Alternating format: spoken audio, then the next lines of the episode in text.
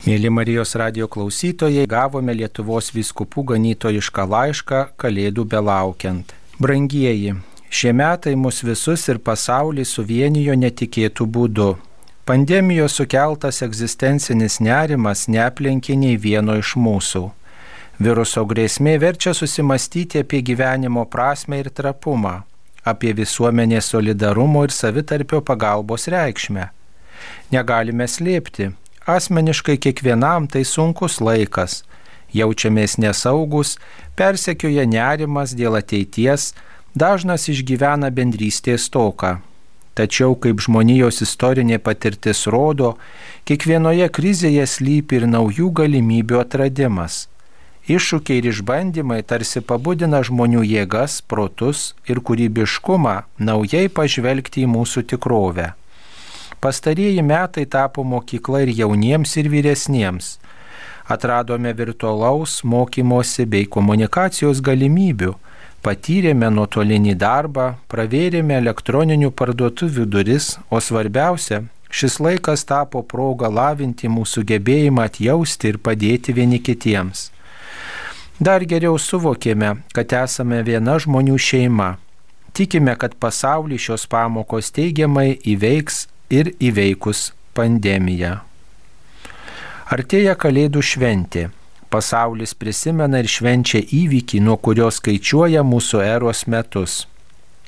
Dangaus ir žemės kuriejas įžengė į laiko tiekmę gimdamas kūdikiu Betlėjaus tvartelėje. Šio įvykio prasme evangelistas Matas aprašo žodžiais. Tamsybėje tūnanti tauta išvydo skaiščią šviesą. Čia autorius drąsiai apibūdina pasaulį iki viešpaties aplankymo kaip tamsybėse tūnantį, o jo užgimimą kaip skaiščią šviesą. Tai priminimas, kad žmogus atranda savo egzistencijos prasme tik Dievo perspektyvoje, kai atpažįsta jį aplankiusi kurėją bei išgirsta jo skelbiamą žinę. O jis savitai mums kalba apie žmogaus gyvybės vertę. Kalėdos primena, kad užgimstantis pasauliui žmogus nešasi savyje Dievo atvaizdą. Ši mintis apie žmogaus gyvybės dieviškąją kilmę ypač atsiskleidžia Evangelijoje pagal Luką užrašytame Angelo Gabrieliaus pokalbėje su mergelė Marija. Dievo pasiuntinys paaiškina Marijai joje be užsimesgančios gyvybės lėpinį sakydamas, šventoji dvasia nužengs ant tavęs ir aukščiausiojo galybė pridengs tave savo šešėliu, todėl ir tavo kūdikis bus šventas. Biblinių įvaizdžių turtinga kalba perteikia, kas yra žmogaus gyvybės šaltinis. Todėl krikščionybė, besivadovaudama viešpaties apreiškimu, teigia besąlygišką žmogaus gyvybės vertę bei skelbia, kad kiekvienas asmuo yra vertas tokios pagarbos, kaip ir jo autorius Dievas. Žmogaus gyvybė kyla iš Dievo kūrybinės galios bendrystėje su žmogumi. Ji nėra absoliuti žmogaus nuosavybė. Todėl žmogaus gyvybės negalima negerbti ar atimti. Ši išvada kyla ir iš šiandienos medicinos mokslo įrodytos tiesos, kad žmogaus gyvybė atsiranda nuo apvaisinimo momento ir nėra motinos kūno dalis. Nuo tada savo egzistavimą pradeda unikalus asmuo, skirtingas nuo savo motinos bei tėvo, ir jam turi būti užtikrinta prigimtinė teisė į gyvybę. Juk ir logika mums sako, kas iš pradžių nėra žmogus ir vėliau negalėtų toks tapti. Tad negimusio kūdikės gyvybės nutraukimas, embrionų naikinimas mokslinių tyrimų ar dirbtinio apvaisinimo metu, eutanazija yra nepriimtini pagal Evangelium vite. Bažnyčia atjaučia moteris ir šeimas, kuriuose nepavyko išsaugoti gyvybės ir dovanoja joms savo gailestingumo tarnystę. Drauge skatina visomis išgalėmis stengtis padėti moterims ir šeimoms krizinio neštumo metu. Tom šeimoms, kurios susiduria su nepagydoma artimųjų lyga, Kalėdų žinia mus kviečia ne tik švęsti viešpaties užgimimą, bet ir pasiryšti besąlygiškai gerbti žmogaus gyvybę nuo prasidėjimo iki natūralios mirties. Visuomenė tampa nesaugi, jeigu to negarantuoja. Džiaugsmingame kalėdų įvykio praše nuskamba ir slėpiningas žodis pranašas Simeonas, paėmęs į rankas kūdikį Jėzų, kurį paukoti Jeruzalės šventyklą atnešė Juozapas ir Marija, ištarė. Jis bus prieštaravimo ženklas. Šventoji šeima netrukus patyrė šių žodžių prasme, priverstinai bėgdama į Egiptą kai tuo metu valdžios pareigūnas Erodas, bijodama šalia savęs kito galimo autoriteto, įsakė Betliejuje ir jo apylinkėse išžudyti visus dviejų metų ir jaunesnius berniukus. Šie pranašo žodžiai išsipildė ir pirmųjų amžių krikščionių kankinystėje, kai Romos imperatorius vertė juos įsižadėti tikėjimo į Jėzų. Viešas krikščionių tikėjimo išpažinimas tapo prieštaravimo ženklu ir 20-ojo amžiaus totalitariniams režimams ir šiandienos pasaulyje pasitaikančiam fundamentalizmui, kuris šiurkščiai pažeidžia tikėjimo arba sąžinės laisvės principą. Demokratinė visuomenė yra pagrįsta pagarba kito žmogaus orumui, įsitikinimų laisvė bei prigimtinėms teisėms. Dėl tokios laisvės galimybės krikščionių kankiniai praliejo savo kraują. Bet kokia visuomenės polarizacija, susipriešinant dėl skirtingų įsitikinimų, turi būti įveikiama pagarba sąžinės laisviai. Demokratija yra stipri tiek, kiek leidžiama viešojoje erdvėje varžytis visokioms, dažnai skirtingoms, net priešiškoms nuomonėms, neturint neigiamo iš ankstinio nusistatymo. Todėl šiandien vis labiau tampa svarbi informacinė etika Ji kaip ir medicinos etika turi laiduoti prigimtinių žmogaus teisų apsaugą, ginant gyvybę ir skelbiant tiesą. Kalėdų istorijos dramoje Juozapas ir Marija išgelbsti kūdikį Jėzų, nes pasitikė tikėjimo ir sąžinės balsu, kuris kalbėjo jų širdyse. Jų šeimos pavyzdys liudyja, kad ištikimybė Dievui ir vienas kitam gelbėja juos pačius ir išsaugo naują gyvybę. Visuomenėje ypatingos apsaugos reikia vyro ir moters santokai, nes ji yra naujos žmonių kartos lopšys. Vakarų pasaulį, o ir mūsų tėvynę ištikus demografiniai žiemai, šis principas tampa gyvybiškai svarbus. Juozapo ir Marijos sužadėtuvių įsipareigojimo rimtumas yra pavyzdys, kaip svarbu renkti šeimos gyvenimui ir kokia reikšminga yra jį lydinti meilės bei ištikimybės priesaika. Tik tokia aplinka yra saugi sutuoktiniams ir į jų šeimą ateinančiam žmogui. Šeima yra artimiausia pagalba ir gimstantiems kūdikiams ir augantiems vaikams, ir brandos sulaukusiems jos nariams, kuriems ypač svarbi artimųjų parama. Jokia visuomenės ar valdžios institucija nepakeis šeimos narių. Todėl galima tarti, kad visuomenė ir valstybė yra stipri tiek, kiek jis saugo ir gina ir puoselėja šeimos teisės. Bažnyčia kviečia visuomenę ir valstybę pasirinkti tokius teisinio reguliavimo būdus, kurie neištrina ribos tarp prigimtinės šeimos sampratos ir kitų bendro gyvenimo formų. Šeima nėra tik socialinis ar teisinis konstruktas, kurio apibrėžimas priklauso vieno įstatymo leidėjų valios. Šeima taip pat nėra vien tik bendras gyvenimas, siejamas emociniu ar turtiniu ryšiu. Ji yra prigimtinė bendruomenė, kylanti iš anksto žmoguje sąlygoto lyčių papildomumo skirtingų lyčių papildomumas esminė šeimos atsiradimo sąlyga, todėl šeimą išskiria iš visų kitų bendro gyvenimo formų. Tačiau tai ne tik santoko sudarimo sąlyga, tai prigimtinių tėvystės, motinystės, brolių bei seserų, įskaitant vienišų motinų ir tėvų giminystės ryšio atsiradimo sąlygą.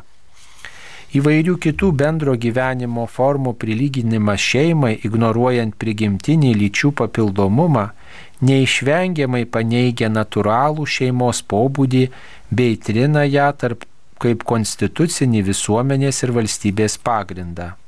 Suprantama, kad įstatymų leidėjai ieško tinkamos kitų bendro gyvenimo formų teisinės apsaugos. Tačiau tai negali būti daroma keičiant šeimos ar santokos sampratas. Jei bet kuri bendro gyvenimo forma gali būti šeima, tada pati šeimos samprata išnyksta. Įstatymų leidėjas turi gerbti žmogaus prigimtyje atpažįstamą tvarką ir ieškoti naujo būdo, kaip įstatymiškai pagrysti bei teisiškai apsaugoti įvairias kitas gyvenimo kartu formas. Evangelistas Lukas Kalėdų įvykių džiaugsmą perteikia viešpaties angelo padrasinimu. Nebijokite ir dangaus kareivijos giesme. Garbė Dievui aukštybėse, o žemėje ramybė jo mylimiems žmonėms.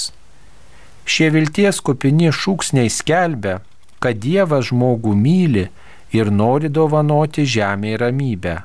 Tačiau čia savai priminta, jog ši ramybė yra susijusi su dangaus ir žemės kuriejų teikiama pagarba. O ir ši pagarba reiškiama, kai besąlygiškai gerbiamas jo kūrinys - žmogus ir pasaulis. Kito žmogaus diskriminacija, neapykanta ar tuo labiau naikinimas yra sukilimas prieš kurėją ir jo mums palikta būties gramatika. Ši atidos kuriejui pamoka vėliau Luko Evangelijoje nuskamba ir dvylikamečio Jėzaus žodžiuose. Man reikia būti savo tėvo reikaluose. Popiežius Pranciškus neseniai pasirodžiusioje enciklikoje Fratelli Tutti 2020 metais primena, kokie svarbus šio laikiniam pasauliui bendrystės ir brolystės tarp žmonių saitai, kylantis iš pagarbos žmonių. Pasak popiežiaus, kai žmogaus orumas yra gerbiamas ir jo teisės pripažįstamos ir garantuojamos, tuomet klesti ir kūrybiškumas, ir iniciatyvumas, o žmogaus asmenybė gali įgyvendinti įvairias savo iniciatyvas dėl bendrojo gėrio. Tad bendrojo gėrio pagrindas yra pagarba objektyvioms moralinėms tiesoms. Nors tolerancija paprastai išreiškia pagarbą kitam žmogui, po jos priedanga vis dėlto gali slėptis relativizmas, kuris moralinių tiesų aiškinimą palieka turintiems valdžią, o ne objektyvios tiesos autoritetui. Universalūs moraliniai principai išdėstyti dešimties Dievo įsakymų teisinę turi būti susikalbėjimo, pagarbos vieni kitiems ir ramybės visuomenėje pamatas. Tačiau šių tiesų aiškinimas be pagarbos kuriejui ir jo įdėktai prigimtiniai tvarkai praranda atskaitos tašką. Amerikos demokratijos tėvai šias tiesas vadino savaime suprantamomis, o patį laisvos visuomenės projektą be moralinės tvarkos viršenybės neįmanomu. Prigimtinės tvarkos ignoravimas buvo socializmo eksperimento įkurti bendrystę žlugimo priežastis. Visuomenės klesti ir ramybė ateina, kai pripažįstamos prigimtinės žmogaus teisės ir išpažįstamas jų autorius Dievas. Ši pagarba gelbėja visuomenę nuo totalitarizmo grėsmės. Pagarbos kuriejui ir jo sukurtam asmeniui žmogui kultūra yra veiksmingiausia motivacija pagelbėti vargšams, gerbti emigrantus ir pabėgėlius, mažinti socialinę atskirtį bei kurti žmogiškesnę visuomenę. Šiandienos pasaulis, ypač ištikus globaliniai pandemijai, laiko tarpusavio pagalbos egzaminą. Ištikę sunkumai, socialinė atskirtis ir susipriešinimai turi būti įveikiami tiesiant tiltus tarp skirtingų socialinių grupių gerbent skirtingai mąstančius, ieškant būdų, kad kiekvienas žmogus, o ypač silpniausi, atrastų savo vietą visuomenėje bei prisidėtų prie valstybės stiprinimo. Čia labai svarbi yra pagalbos, dosnio širdies, atiduos kitam žmogui kultūra. Prie jos kūrimo prisideda tie, kurie gerbė kitų įsitikinimus, įsiklauso vieni į kitų argumentus, gerbė teisę pasakyti savo nuomonę. Bažnyčia siūlo savo pagalbą stiprindama piliečių moralinius gebėjimus per pagarbą Dievui ir kitam žmogui, bei kviečia dosniai prisidėti, kuriant pilietinę visuomenę. Ji jaučia pareigą ir atsakomybę tarti žodį svarbiais moraliniais klausimais ir vilėsi, kad tokiu būdu tvirtina demokratinės visuomenės pagrindus bei prisideda prie meilės civilizacijos kūrimo. Ji tiki, kad toliau tęsia žmonijos istorijoje Kalėdų įvykio įkūnymą šiandieno žmonių širdyse ir kultūroje. Ji meldžia, kad Dievas, kuris taip pamilo pasaulį, jog atidavė savo viengimį sūnų ir toliau globotų šiandieno žmonės, dovanodamas jiems drąsą kurti bendrystę, neblėstančią viltį gyventi ir džiaugsmą tarnauti vieni kitiems su artėjančiomis šventomis kalėdomis. Pasirašo Lietuvos viskupai 2020 m. gruodžio 8 diena švenčiausiosios mergelės Marijos nekalto prasidėjimo iškilmi. Švenčiausioji mergelė, Dievo motina saulė apsisiautusi, žvaigždėmis dabinta ir mėnuo tau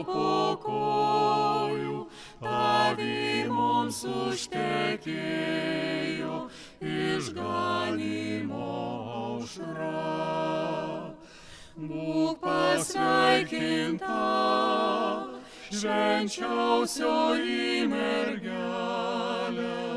Dievo motina, saulė apsisiautusi, žvaigždėmis dabinta ir mėnuo tau po kojų, tavi mums užtekėjo išganimo aušra. Garbėjusui Kristui, mėly Marijos radio klausytojai, su jumis sveikinuosi aš, kunigas Nerijus Pipiras. Nuo seno mūsų krikščioniškame pasaulyje gruodžio mėnesį yra švenčiama ir švenčiausiosios mergelės Marijos nekaltojo prasidėjimo iškilmė. Ką reiškia ši šiandien neprivaloma liturginė šventė, noriu pasidalinti su jumis, mėly Marijos radio klausytojai, keletų minčių. Pirmiausia, reikėtų atkreipti dėmesį, kad kai mes minime švenčiausiąją mergelę Mariją, visuomet prieš akis turime turėti keturias tikėjimo tiesas liečiančias švenčiausiąją mergelę Mariją. Tai yra, kad Marija yra Dievo gimdytoja, kad Marija yra visuomet mergelė, kad Marija yra pradėta nekaltai pradėtoji ir kad Marija yra paimta į dangų. Šios dogmos, šios tikėjimo tiesos yra įsidėstę per mūsų istoriją. Ir štai šiandieną mes pabandysime pasvarstyti apie tai, ką reiškia švenčiausiosios mergelės Marijos nekaltojo prasidėjimo dogma, tikėjimo tiesa, jog Marija buvo nekaltai pradėtoji ir kuo ši tikėjimo tiesa yra aktuali mums 21 amžiaus krikščionims. Reikia atkreipti dėmesį, kad kai mes kalbame apie nekaltąjį prasidėjimą, mes pirmiausia turime minti ne Jėzų, bet Mariją. Ši tikėjimo tiesa visuomet siejasi su švenčiausia mergelė Marija, kurie pati yra pradėta nekaltai, apsaugota nuo nuodėmės, nuo bet kokios sutepties ir kalbėdami apie ją, mes visuomet galime atsiversti pradžios knygą, kur po pirmųjų žmonių nuopolio skaitome tokius viešpaties žodžius skirtus žalčiui, kadangi tu tai padarėjai, esi prakeiktas tarp visų gyvulių ir tarp visų žvėrių, ant pilvo šliaužios ir dulkėsėsi visas savo gyvenimo dienas. Aš sukelsiu priešiškumą tarp tavęs ir moters, tarp tavo palikonių ir jos palikonių. Jis skirs tau per galvą, o tu kirsi jam į kulną. Kai apmastome šiuos žodžius, prieš mūsų akis visuomet išnyra žmogaus siluetai. Tai pirmiausia, Jėvos ir Marijos siluetai. Marija ir Jėva - dvi priešybės.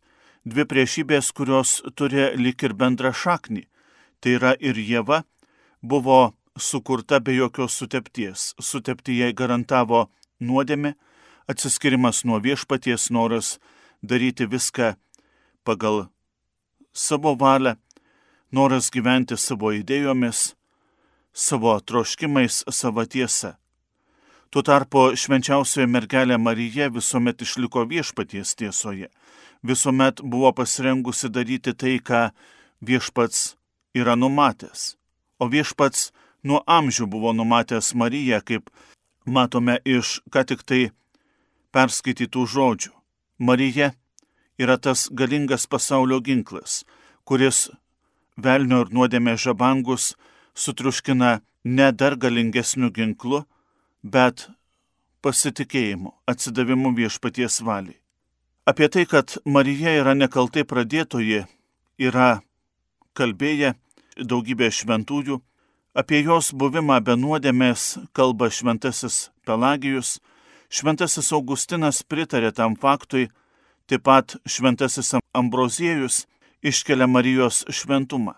Nekaltojo prasidėjimo dogmai vakaruose pagrindus padėjo šventasis Augustinas, atsižvelgdamas į gimtosios nuodėmės paveldėjimą. Tačiau nepaisant autoritetingų bažnyčios tėvų pastangų, bėgant metams katalikų bažnyčioje ir ypač už jos ribų, vis iškildavo abejonių švenčiausios mergelės Marijos titulais, reikšmę, vaidmenių išganimo istorijoje. Todėl amžiams bėgant buvo rūpestingai ištirtas Marijos klausimas ir galų gale 1854 metais popiežius Pijus IX pasitaręs su viso pasaulio viskupais bei teologais paskelbė nekaltojo prasidėjimo dogmą. Taigi amžiams bėgant, bažnyčia suvokė, kad Dievo malonėmis apdovanotoji Marija buvo atpirkta nuo pat savo prasidėjimo momento.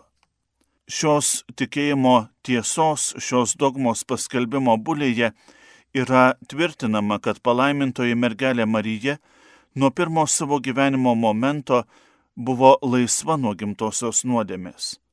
Mes paskelbėme, kad švenčiausioji mergelė Marija nuo pirmosios savo suvokimo akimirkos dėl ypatingos Dievo malonės ir ypatingos privilegijos, turint omenyje žmonijos išganytojo Jėzaus Kristaus gimimą, buvo apsaugota nuo gimtosios nuodėmės.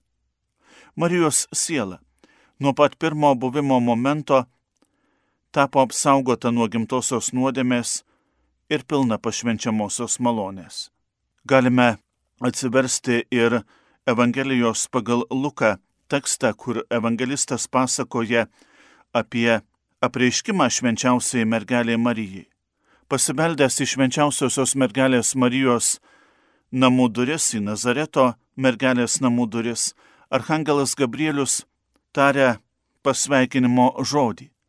Mums yra įprasta, kai mes kalbame maldą sveika Marija, angelo pasveikinimo maldą, kad tas pirmasis žodis yra sveika.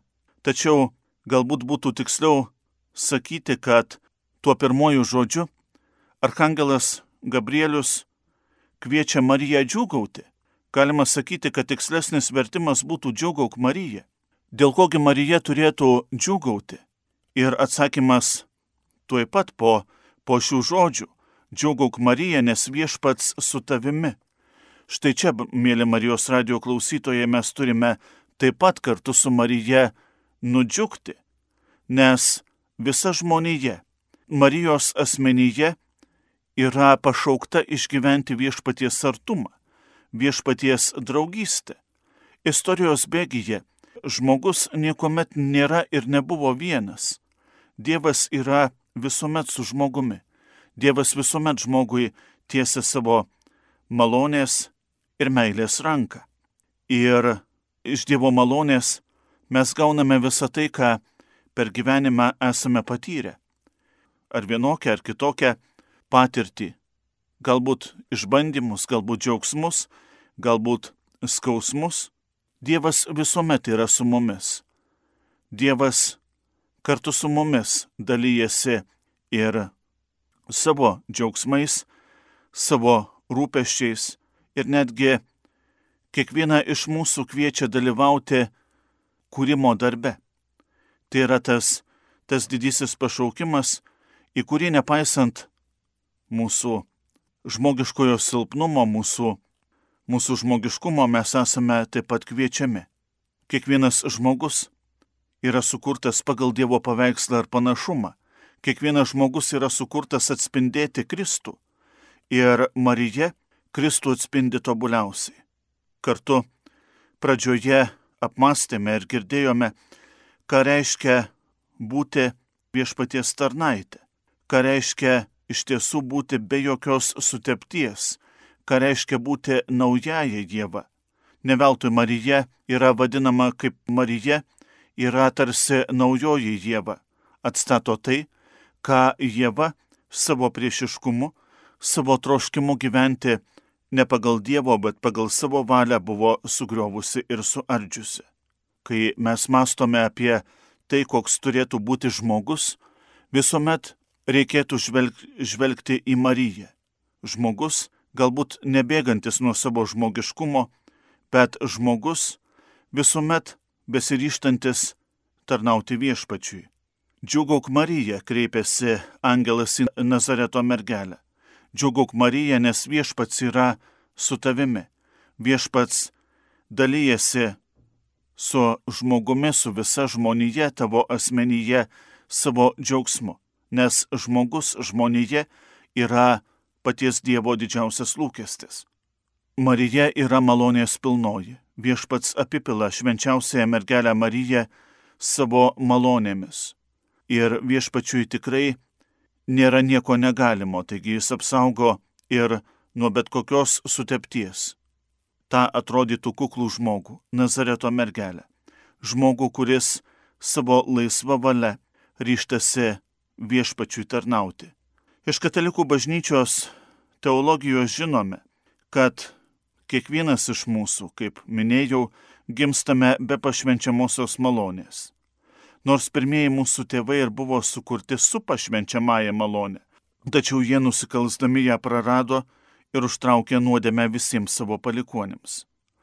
Popiežius Pijus IX, skelbdamas Marijos nekaltojo prasidėjimo dogmą kaip neklaidingą ir visiems katalikams privalomą tiesą, rėmėsi šventųjų raštų ir tradicija. Skaitėme pačios pirmosios šventojo rašto knygos, pradžios knygos, Dievo lūpomis ištarta pasmerkimo žalčiui, piktai dvasiai kur Dievas sako, kad jis sukels nesantaiką tarp žalčio ir moters. Ir moteris sutriuškins jo galvą. Evangelijoje pagal Luką randame žodžius, kuriuos angelas Gabrielius ištarė Marijai, tardamas džiugok Marija arba sveika Marija malonės pilnoji. Malonės pilnatvės buvimas asmenyje paneigia bet kokią, taigi ir gimtają nuodėmę. Taip pat ir pirmieji bažnyčios tėvai, rašytojai, mokytojai, nors ir nevartoja tokių, atrodytų įsamių posakių, bet pačias tikėjimo tiesas, nors ir paprastai žodžiais, perteikia gana aiškiai ir įsamei.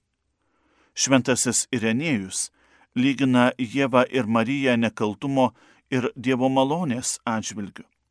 Bažnyčios tėvai pastebi, kaip Jėva, taip ir Marija pradėjo savo gyvenimą be jokios nuodėmės pašvenčiamojoje malonėje, nors vėliau abiejų kelias buvo skirtingas. Bažnyčia moko, kad Marijai buvo suteikta malonė nuo pirmosios gyvenimo akimirkos būti laisva nuo gimtosios nuodėmės, nes jai buvo lemta būti Jėzaus motina Marija. Tai yra vienintelė iš žmonių, ji gimė be gimtosios nuodėmės ir jokios nuodėmės nepadarė per visą savo gyvenimą. Ji naujoji Jėva, tobulas kurėjo idėjos įsipildymas. Ši malonė leido jai gyventi tvirtoje sąjungoje su Dievu nuo pradžios. Jos atsakymas tikint Dievą atvedė Kristų į pasaulį ir per jį nuodėmė neteko savo galios. Teikdami apie Marijos nekaltąjį prasidėjimą, mes atvirai pripažįstame, kad moteryje Marijoje, Dievo motinoje, jau aiškiai įgyvendinta pagrindinė reikšmė realybėje materialinėje ir dvasinėje. Būsena - būti įpainiotai į nuodėmingas visuomenės struktūras joje nerado atgarsio. Marijoje mes matome, ką reiškia būti išvaduotam iš nuodėmės vergyjos. Pirmosios nuodėmės ženklas byloja apie nedorą pasaulį.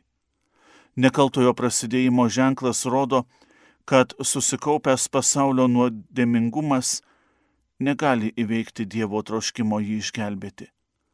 Taigi, švenčiausioji mergelė Marija, ta nekaltai pradėtoji, mums visiems yra pats kilniausias pavyzdys, jog kilniai tarnauti viešpačiui kiekvienas iš mūsų galime, jog kiekvienas iš mūsų esame kviečiami į buvimą kartu su viešpačiu, į buvimą, kur nebebus mirties, nebebus liūdėsio, nebebus aimanos ir nebebus jokios kalties.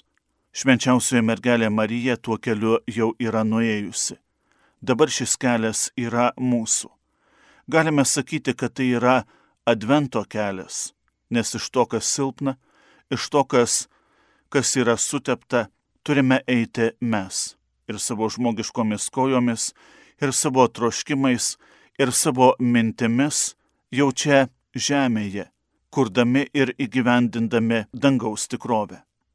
Taigi švenčiausioji mergelė Marija kaip pavyzdys, tegul kiekvienam būna ta žvaigždė, rodanti kelią, rodanti kelią, skrodžianti įvairias mūsų problemų tamsybės ir sustojanti ten, kur ir reikia mums, kaip žmonėms sustoti, kur dangus ir žemė susijungia, kur Dievas tampa žmogumi, kur ir kartu kiekvienas žmogus tarsi pakilėjimas link dangaus - pabūti, suklupti, pagarbinti viešpatį, kuris yra kiekvieno iš mūsų kuriejas ir dovanojantis gyvenimą.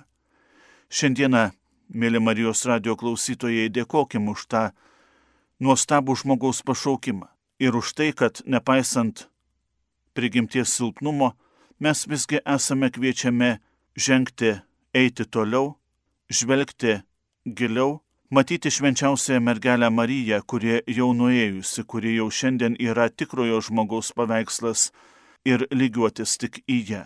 Melskim, kad švenčiausioji mergelė Marija išmokytų mus vis labiau tarnauti ne savo valiai, bet vis labiau tarnauti viešpaties valiai. Ir tarnaudami viešpaties valiai, mes vis labiau į patį viešpatį panašėsime. Taigi nekaltai pradėtoji švenčiausiai mergelė Marija yra tobuliausias žmogaus paveikslas. Šiandien, eidami pasitikti žmogumi gimusio viešpaties, dėkokim už tą žmogiškumo malonę. Dėkokim, kad Dievas iš tiesų mus taip gausiai apdovanoja. Mėly Marijos radio klausytojai, mintimis apie švenčiausiosios mergelės Marijos nekaltojo prasidėjimo šventę tikėjimo dogmą dalyjausi aš kunigas Nerijus Pipiras.